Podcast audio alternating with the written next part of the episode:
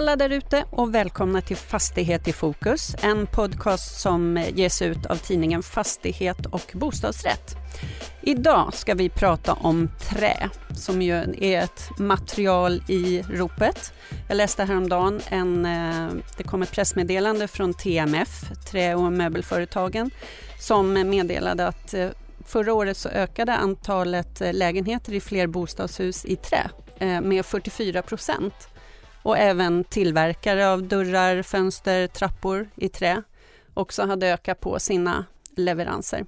Och det här är ju siffror som är glädjande för dagens gäster, antar jag. Jag har med mig här i studion Magnus av Silverhjelm, professor vid Linnéuniversitetet och delägare i AIX Arkitekter.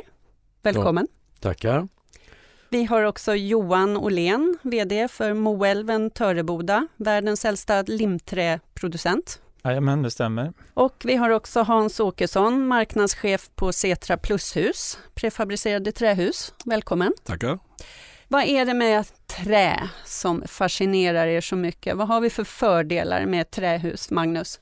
Ja, men det är ju så underbart att vara i ett trähus och man känner sig så klimatsmart och man bara vibrerar av glädje att den här planeten som nu också har slutit ett Parisavtal kan förvara koldioxiden. Vi ska sträva mot de här två procenten och se till att vi blir ännu mera klimatsmarta. Och då är biomassan som jag föredrar att kalla det här för en sån himla bra medhjälpare till att göra livet för oss och våra barn och våra barnbarn hållbart. Där är trä suveränt. Mm. Johan, Moälven, vad, vad mm. säger du? Jag håller med och eh, till det så kan jag väl lägga att eh, det är så, ehm, alltså det är otroligt inspirerande att jobba med det här materialet för att man kan göra så mycket. Vi, eh, vi konstruerar och producerar alla tänkbara typer av byggnader. Det kan vara för lantbruk, för idrottslokaler eller flervåningshus eller träbroar. Så att ehm, marknaden är enorm och väldigt, väldigt spännande. Plus hus Hans, Får jag kalla det så? Det går jättebra. Ja. Men träet ur vårt perspektiv kan ju innebära att det är ett fantastiskt material att jobba med industriellt. Det är ett material som man kan hantera i fabriksmiljö. Det är lätt att prefabricera, att skapa produkter och eh, eh ingående detaljer i en industriell process. Eh, och det är det som vi jobbar mest med, att bygga mycket bostäder som ger bra klimatvänliga bostäder. Ni, ni är ju alla toppengäster, självklart. Eh, vi, vi hade hoppats att även ha representanter från eh, Träbyggnadskansliet och Trästad med oss, men tyvärr gick inte det. Men jag, jag pratade med Susanne Rudenstam så sent som igår och eh, hon är också nöjd med träbyggandets framgångar naturligtvis och eh, hon påpekar också att Sverige står inför en stor export inom det här området. Eh, och nu när vi pratar om det här med prefab eh, så nämnde hon en, en rolig sak. Eh, I Hackney i nordöstra London så bygger de ett stort område i trä. Eh, och där hade de räknat ut att om, om det här hade varit, om de hade byggt i betong, så hade det krävts 700 lastbilar till den här platsen. Och det vet ju alla hur det är att köra bil i London och hur lätt det är att komma fram där. Eh, men nu istället, eftersom det var trä så blev antalet lastbilar 93. Vad, vad finns det mer för fördelar? Det här är ju ett tydligt talande exempel, men Magnus, fler fördelar med det här med prefabricerat? Ja, men det är precis det som Johan och Hans också säger att vi har ju en eh, produkt som kan arbeta industriellt. Och det är klart att byggbranschen tycker att man redan idag är industriell. Men eh, om jag är lite elak och spetsig så tycker jag att den byggbransch vi har idag är ett medeltida skråväsende som arbetar i stuprör, var och en för sig. Ta det här exemplet. Ska jag göra ett badrum idag så krävs det åtta professioner i 18 olika arbetsmoment i ett litet rum på 2 gånger 2 meter. Och hur sjutton samordnar man det ute på plats när man egentligen kan tillverka en volym hos Moälven eller hos Setra Plushus på en fabrik där handdukshängaren, armaturen, handfatet, toastolen, duschkabinen, allt detta är med från början. Beklätt till golv och väggar och tak och levererat ut på en byggplats i ett montage som tar bråkdelen av den tid som det gör att maka ihop allt detta på plats. Där skiljer sig väldigt mycket eh, beteendet med eh, biomassan och träindustriell kultur från det vanliga hävdade byggandet.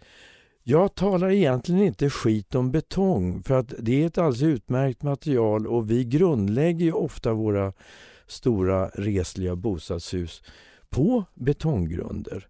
Men vi bjuder ett alternativ i en positiv, optimistisk, tidsvinnande förmåga.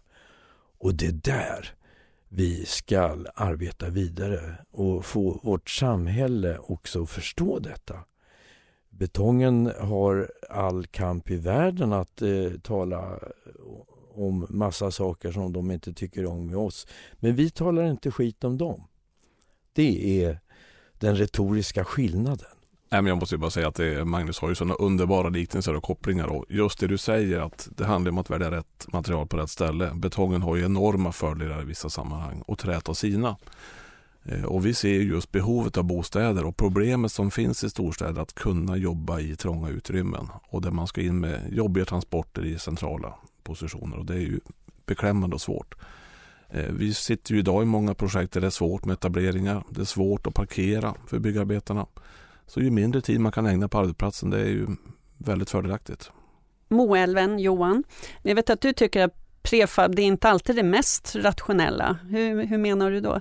Ja, alltså, eh, jag tycker att ibland så, eh, så kanske det blir lite för mycket fokus på eh, det som man kallar industriellt byggande och eh, ibland så pratar man om det som är likställt med att man ska ha ett löpande band och att allting Alltså det blir inte riktigt accepterat i den nya tidens byggande om det inte byggs på samma sätt som Volvo bygger en, en bil eh, på Torslandaverken. Och ehm, beroende på vad det är för byggnad som vi ska uppföra så måste vi gå olika djupt eller långt in i det här med, med det industriella byggandet, alltså färdigställande på fabrik. Om eh, exempelvis eh, det ska byggas ett antal eh, likadana lägenheter, vi säger ett lägenhetshus med, ja, vi säger 50 lägenheter. Det passar alldeles utmärkt att göra det i en eh, skyddad och fin miljö i, inne på ett fabriksgolv. Där man precis som Magnus var inne på förut, man tapetserar dem färdigt och, och gör allting eh, riktigt snyggt och fint i fabrik. Så blir det snabbt montage på, på arbetsplatsen. Men sen finns det andra byggnader som inte medger detta. Till exempel en eh, skulle kunna ta en eh, stor affärsgalleria eller en ehm, kontorskomplex eller eh, något annat, en skola där man inte tydligt kan se de här modulära strukturerna i huset. Och det behöver inte betyda att man då hamnar automatiskt i ett irrationellt byggande, utan man kan göra det rasande rationellt genom att ha en så hög färdigställande grad som det bara möjligt är på fabrik. Och då brukar vi likna det här vid, jag har dratt parallellen till, till IKEA-byggsats. Som om vi levererar en, en limträstomme för ett flervåningshus eller något av de byggnaderna som jag nämnde, så ska det vara så färdigställt att snickaren egentligen inte ska behöva några verktyg förutom möjligtvis skruvdragare och annat då för, att, för att fästa ihop de här elementen med varandra. Och det är också ett rationellt byggande, men inte likställt vid färdiga moduler i fabrik. Då. Ja men det är bra eh, Johan det du säger för att man kan särskilja två stora bra metoder Eh, hus i platta paket kan vi kalla det ena och sen volymelement. Hus i platta paket har vi ju då eh, en fantastisk möjlighet med eh, CLT, Cross Laminated Timber eller eh, korslaminerat virke som är ju en fantastisk byggmaterial som går att använda. Och just packa färdigskuret, konfektionerat ut till montage på byggplatserna med den där skruvdragaren som du pratar om. Det är också den fantastiska manufaktur, alltså att eh, ge träet behandling under eh, ett fabrikstak utan eh, snö och regn haglande in på själva objektet. Det är där det finns så fantastiska möjligheter. Jag säger så här. Trä är också demokratiskt. Det svarar på tilltal. Sätt upp en stringhylla på en betongvägg om du, om du inte har en väldigt bra eh, sån här eh, slaghammare. Men en stringhylla på en CLT-vägg eller en trävägg den skruvar du mjukt in med en fransk träskruv. Och det kan eh, konsumenten gilla.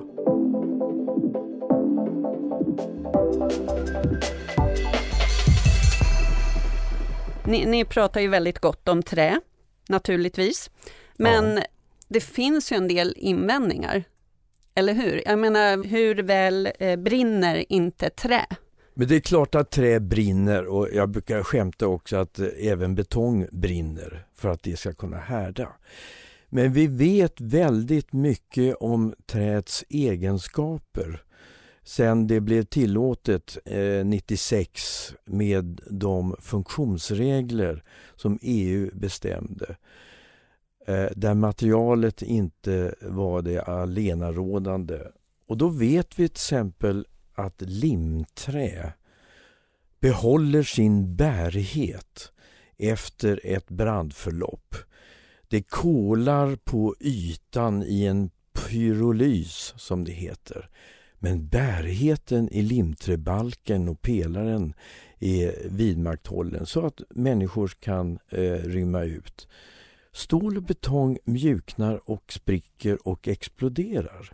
Men hur kommer det sig, varför, är vi så, varför lever det här vidare så mycket då, att det är brandrisken? Därför att det är en väldigt kort tid vi har haft på oss att eh, använda träet som ett eh, mycket kompetent ingenjörsmässigt byggnadsmaterial. Och där, eh, du vet ju också hur det var. Historien är ju den att de stora stadsbränderna i slutet på 1800-talet, början av 1900-talet eh, satte förbud mot att bygga i trä. Och eh, därför att det brann. Och visst brinner trä. Men idag med den forskning och kunskap man har och brandkunskap så är det inga problem. Det som brinner idag i våra bostäder det är inredningen som vi köper från våra möbelvaruhus.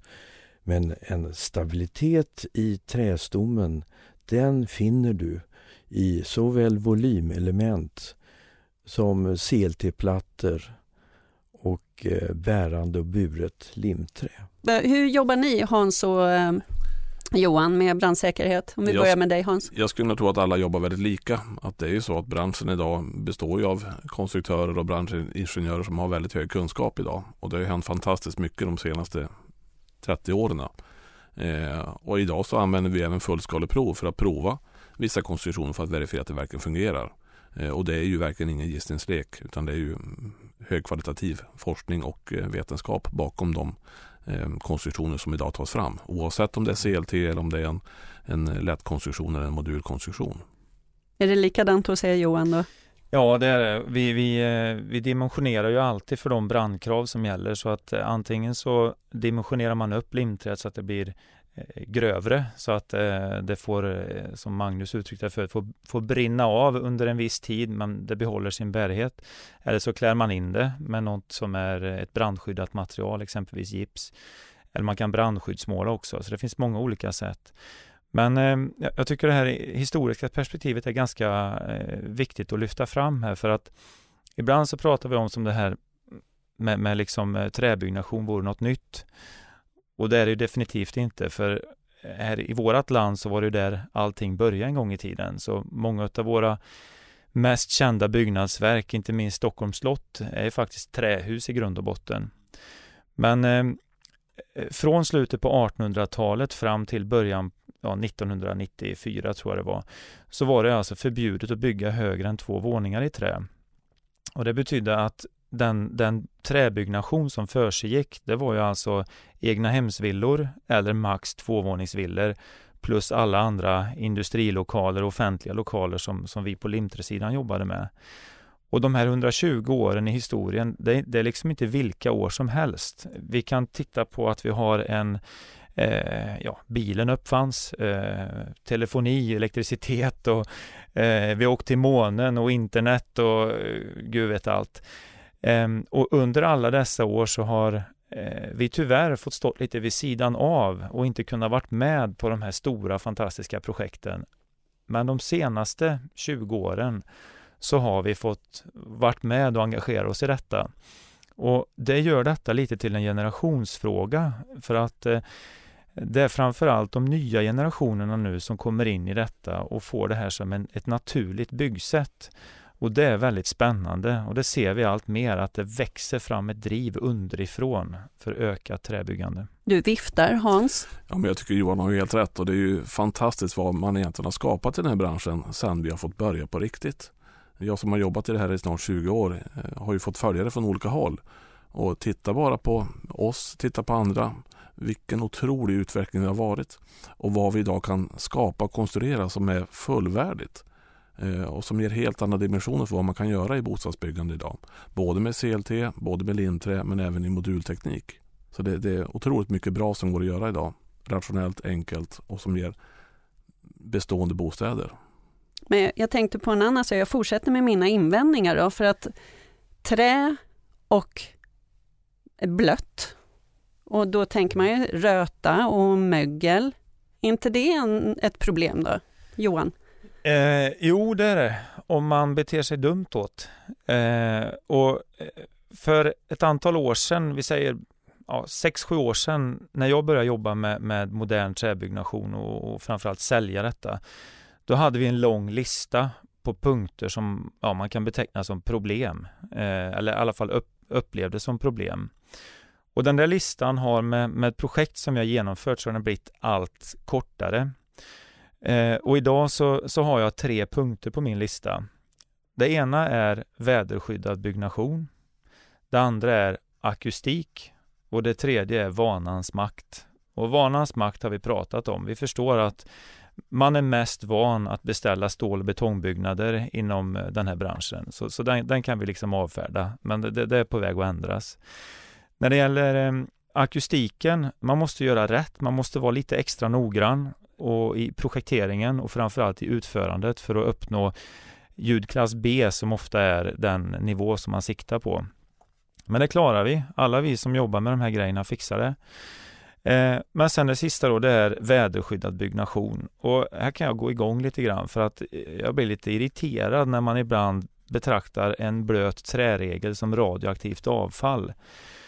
Eh, vi har massor med exempel på dåliga eh, dålig husbyggnation där man verkligen har gjort bort sig. Vi kan prata om enskiktsfasader eller eh, dåligt ventilerade krypgrunder och annat. Men det där vet vi ju nu hur man hanterar.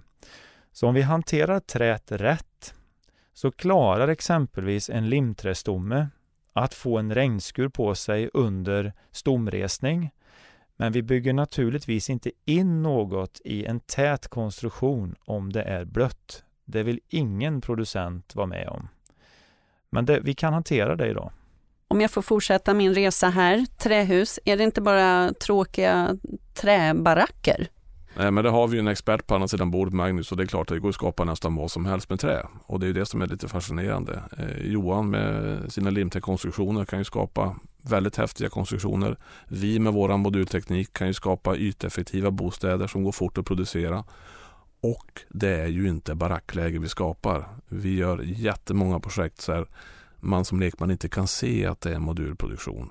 Eh, och där kanske vi väljer att eh, göra sådana mm, förändringar på arbetsplatsen så att det inte syns. Vi bygger igen det invändigt så att du inte ser skarvarna på modulerna. De är värderitade arkitektoniskt så att man får en bra planlösning. Och exteriört så mm, kanske man väljer att sätta vissa eh, fasadlösningar på plats för att bygga bort modulskarvarna. Och det ser fantastiskt bra ut idag. Det där måste jag eh, göra ett litet inspel med Lotta. För att den uppfattningen finns naturligtvis att eh, den här ensartade standardiserade volymelementfabrikationen blir som byggbaracker från Kramo. Men som arkitekt måste man ju ta hänsyn till platsens själ. Vilken stadsbygd befinner jag mig i? Vilken temperatur är det på året? Sommar som vinter? Och när regnar det som mest? Och i vilket väderstreck är man placerad? Eh, träbyggandet är ju en tjänare av stadsbyggnadskonsten på de platser det gäller. Och där är det så bra. I mitt fall så känner jag mig väldigt fri när jag har en grammatik i grunden. En, ett konstruktionssätt.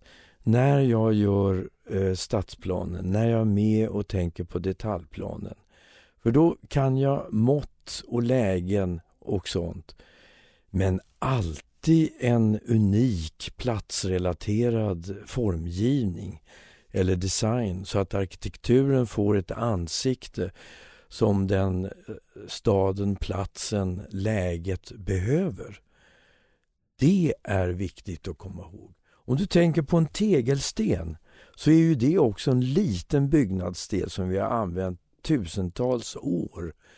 Och eh, när det gäller trät och volymen eller eh, massivträt, då är också detta Eh, Eh, byggnadsdelar som är så bra att ha i ryggraden när man formar sitt samhällsbygge. Det är viktigt när vi ska göra de här 700 000 bostäderna som vårt land behöver nu. För unga människor, gamla människor och de nyanlända människorna. Där vill vi i träkunnandet vara med och visa att här har vi ett, en metod. Men det finns ju de här herren på, på täppan om man så säger med, med den konservativa betongindustrin som har en ganska hård retorik mot er i träbranschen. Hur, hur kommer det sig? Varför är de så tjuriga? Ja, alltså jag tror att man känner flåset i nacken om man ska vara helt ärlig. Ja, jag tror det också. Ja, och, men, men samtidigt så jag vill vara ganska tydlig med att säga att eh, vi vill gärna använda både stål och betong i våra hus. Eh, vi, eh, naturligtvis så mycket trä som möjligt, men eh, alltså för den specifika platsen och för det specifika objektet så ska vi välja det material som är bäst på respektive eh, del i byggnaden. Exempelvis om man ska ha ett, eh, ett högt och smalt hus, eh, ett högt och smalt trähus det är inte fel att använda ett hisschakt i betong. Det går alldeles utmärkt och resten i trä. Det går att göra 100% trä också, men vi ska samtidigt vara lite eh, vaksamma på att använda rätt material på rätt plats så att vi eh, inte diskvalificerar möjligheten att vara med på vissa objekt genom att vara för enkelspårig.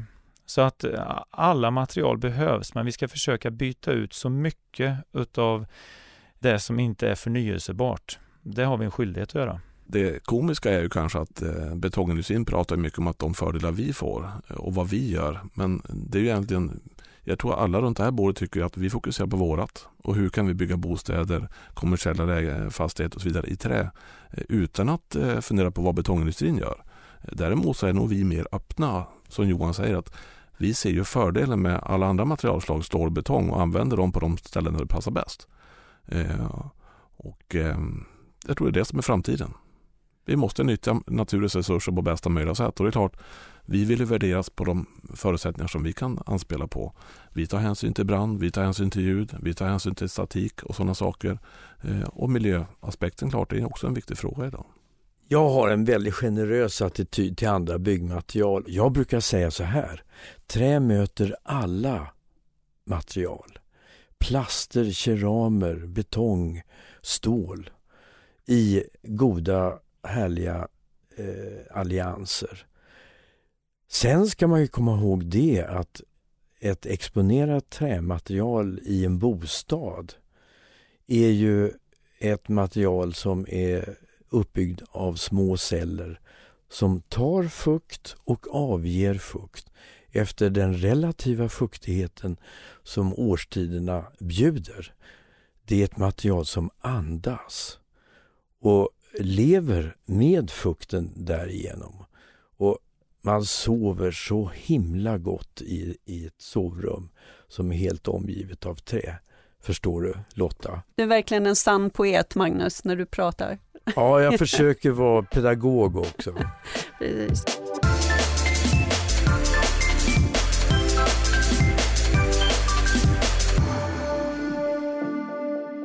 Men hörni, det finns ju så många fördelar nu har vi ju och eh, mina invändningar har ni ju tagit itu med, med besked.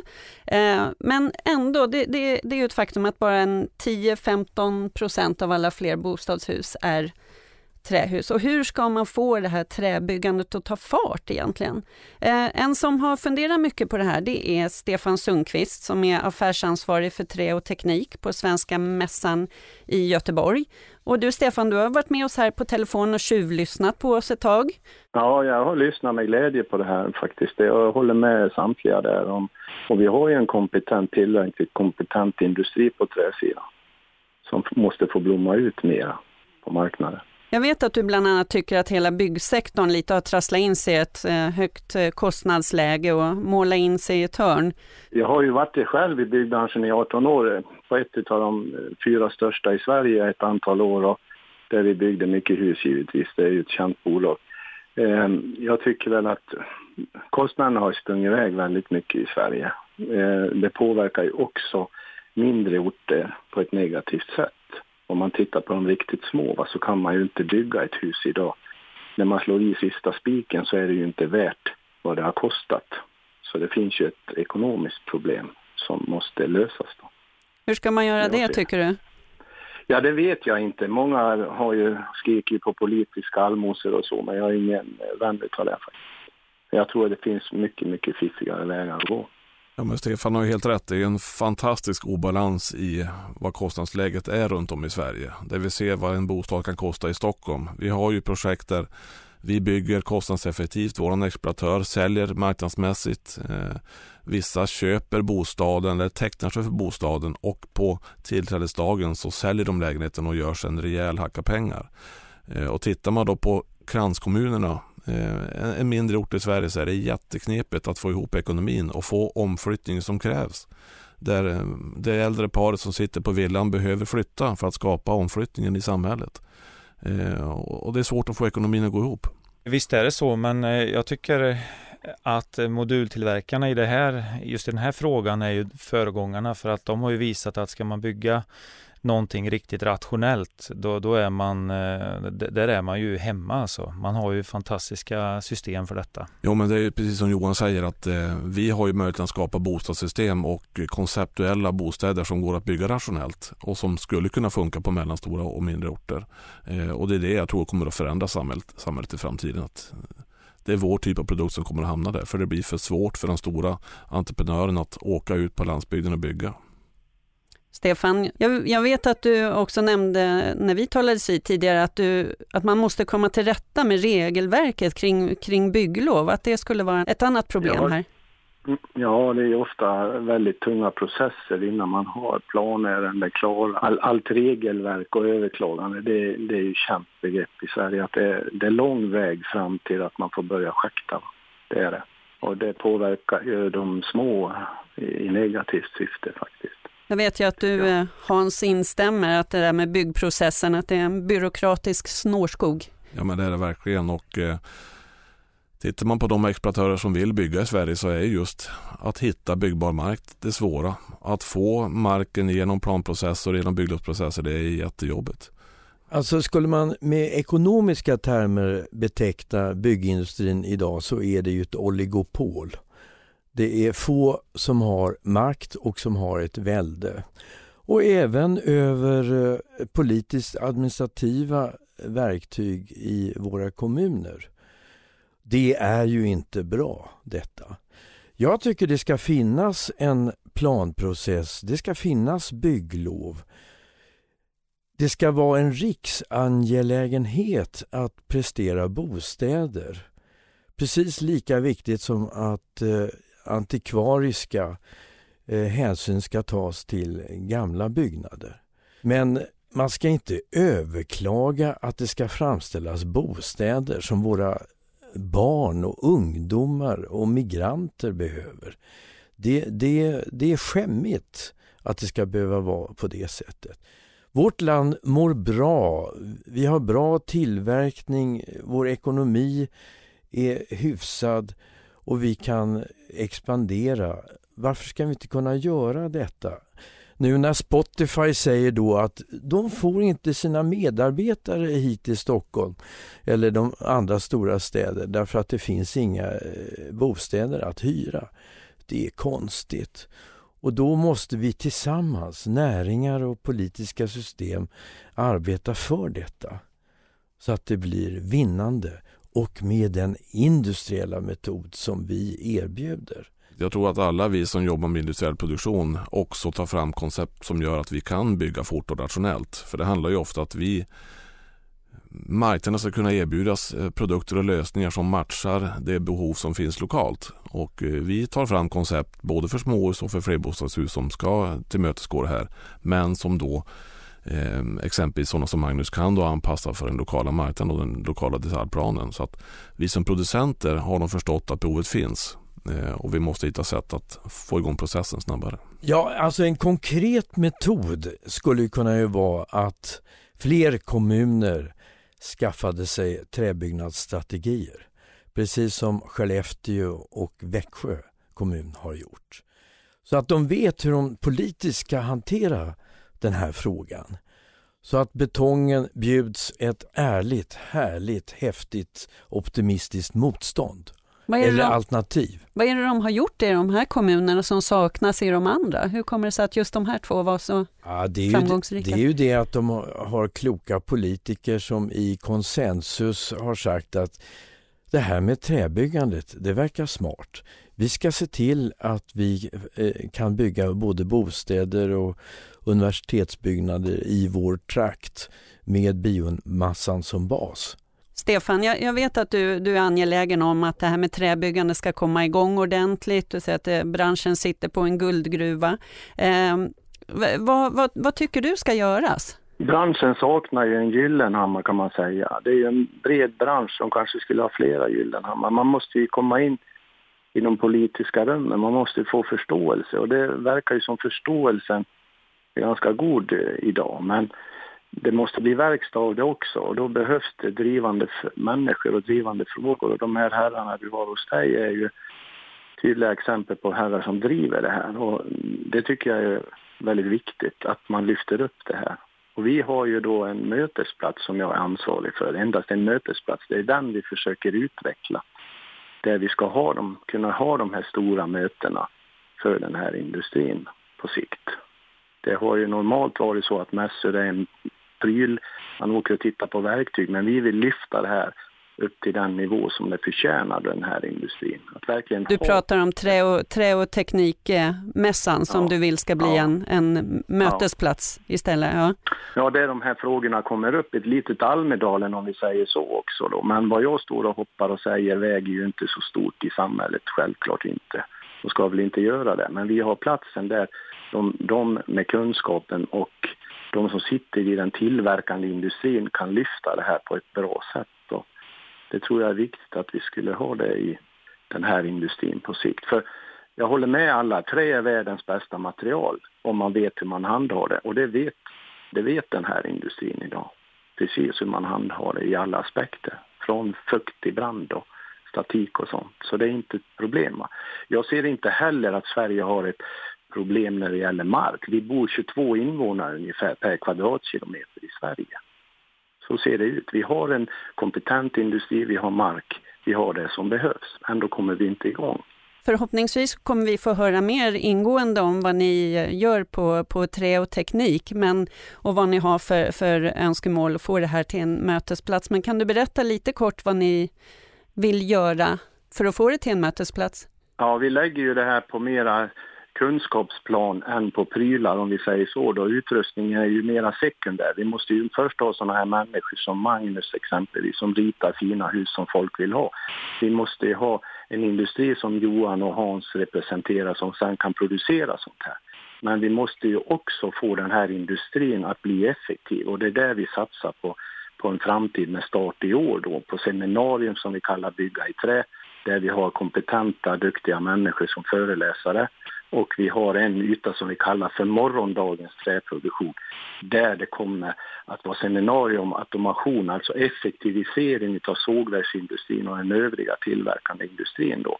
Men det som jag behöver hjälp med det är just de här Gyllenhammar, alltså de människor som företräder industrin. Alltså Johan är ju en sån och Hans är ju en sån och även Magnus är en sån. Och det är deras tyckande som blir avgörande för en sån här mötesplats framgång då. Så vi behöver dem på plats trots att de som mm, Johan och eh, Hans då, de är ju industri som köper utav de som finns där, alltså verktyg och utrustning för att klara sin produktion då. Men vi måste steppa upp ifrån en mässa till en industriell mötesplats. Det tror jag industrin skulle ha nytta av. Det här som Stefan i Göteborg säger om Gyllenhammar, det vill jag eh, säga i ett väldigt konkret projekt som jag håller på med på ett idéplan ska sägas. Jag har en gammal eh, god vän, eh, statssekreterare Ulf Dahlsten och han var också statsdirektör i eh, Södertälje. Vi träffade Boel Godner, kommunalrådet där. Och vi sa så här att det vore väldigt trevligt om man kunde bygga bra bostäder vid Södertälje Syd. En tom parkeringsplats i närheten av Scanias fantastiska fabrik. Vi har träffat ledningen för Scania. Vi har också utvidgat idén och sagt vi bygger 50 000 bostäder runt Svealands och Mälarbanan på järnvägsstationerna där marken ägs av Järnhusen. Och Järnhusen har vi träffat, koncernchefen. Nu har inte de affärsidé att utveckla bostäder, men de äger parkeringsplatserna där man kunde bygga underbara, vackra, järnvägsnära bostäder. Bullret kan man klara av med ny teknologi från Berlin där Hauptbahnhof bygger nu eh, stora bostäder alldeles i närheten. Rälsen ligger på upplag av ljuddämpande gummiplattor och absorbenter mellan eh, skenorna. Där finns en fantastisk potential och folk kan åka sina pendeltåg till de platser de ska jobba på och ungdomar kan få plats i detta.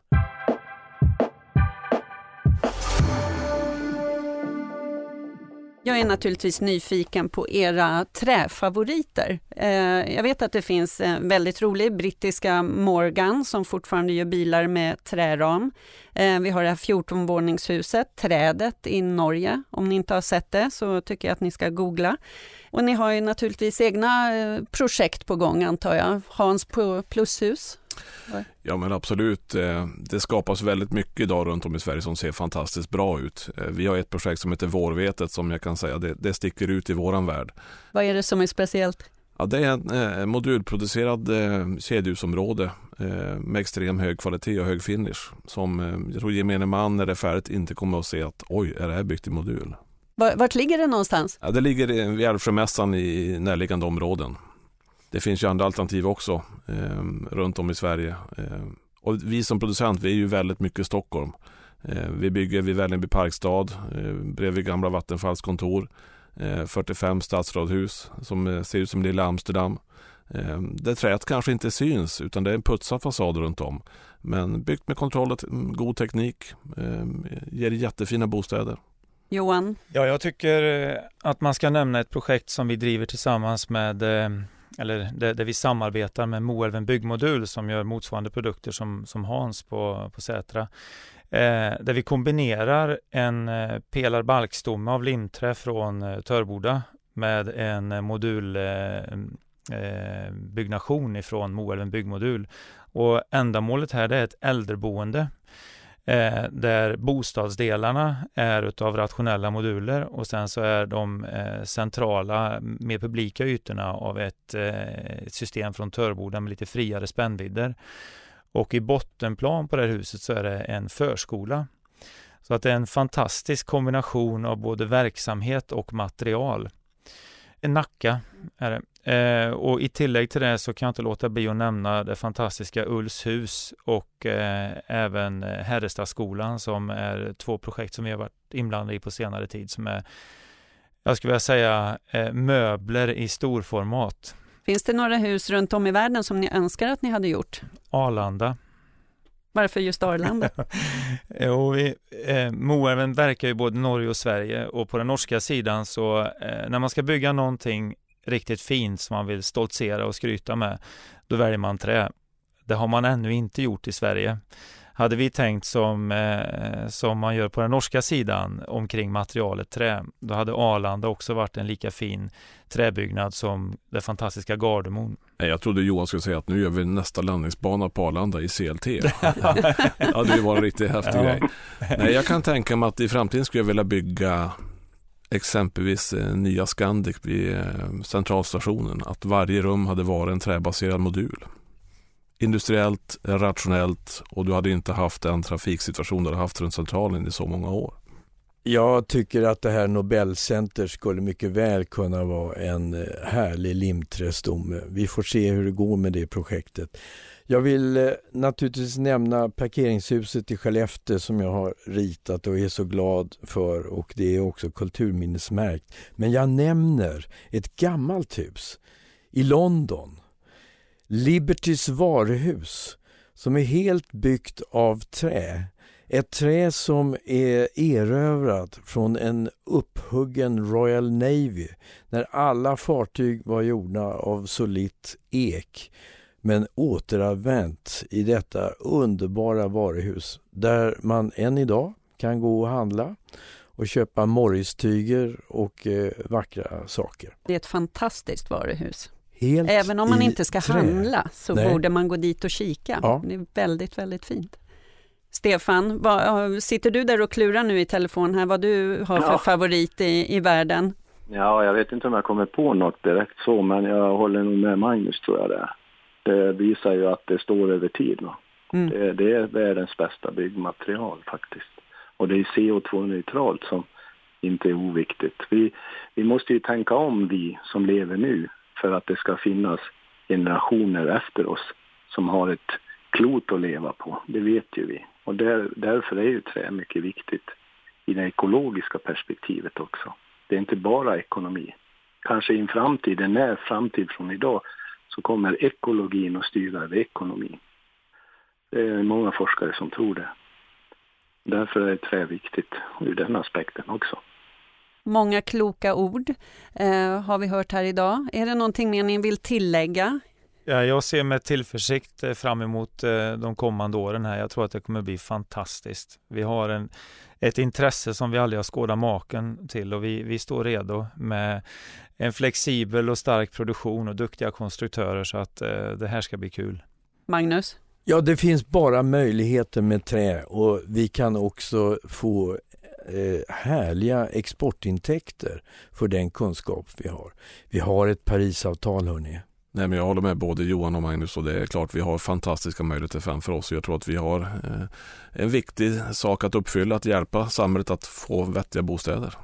Då tackar vi för oss eh, och då hoppas vi också att det dyker upp Gyllenhammar-personer bland beställare och kommuner runt om i landet som tar tillvara på detta fantastiska material som, precis som Stefan sa, dessutom är väldigt estetiskt och trevligt att titta på. Vill ni eh, veta mer om företagen och personerna som har varit med här så hittar ni information på fastighet och bostadsrätt.se. Vill ni se hur vi ser ut finns vi även på Instagram. Vi hörs snart igen. Tack ska ni ha.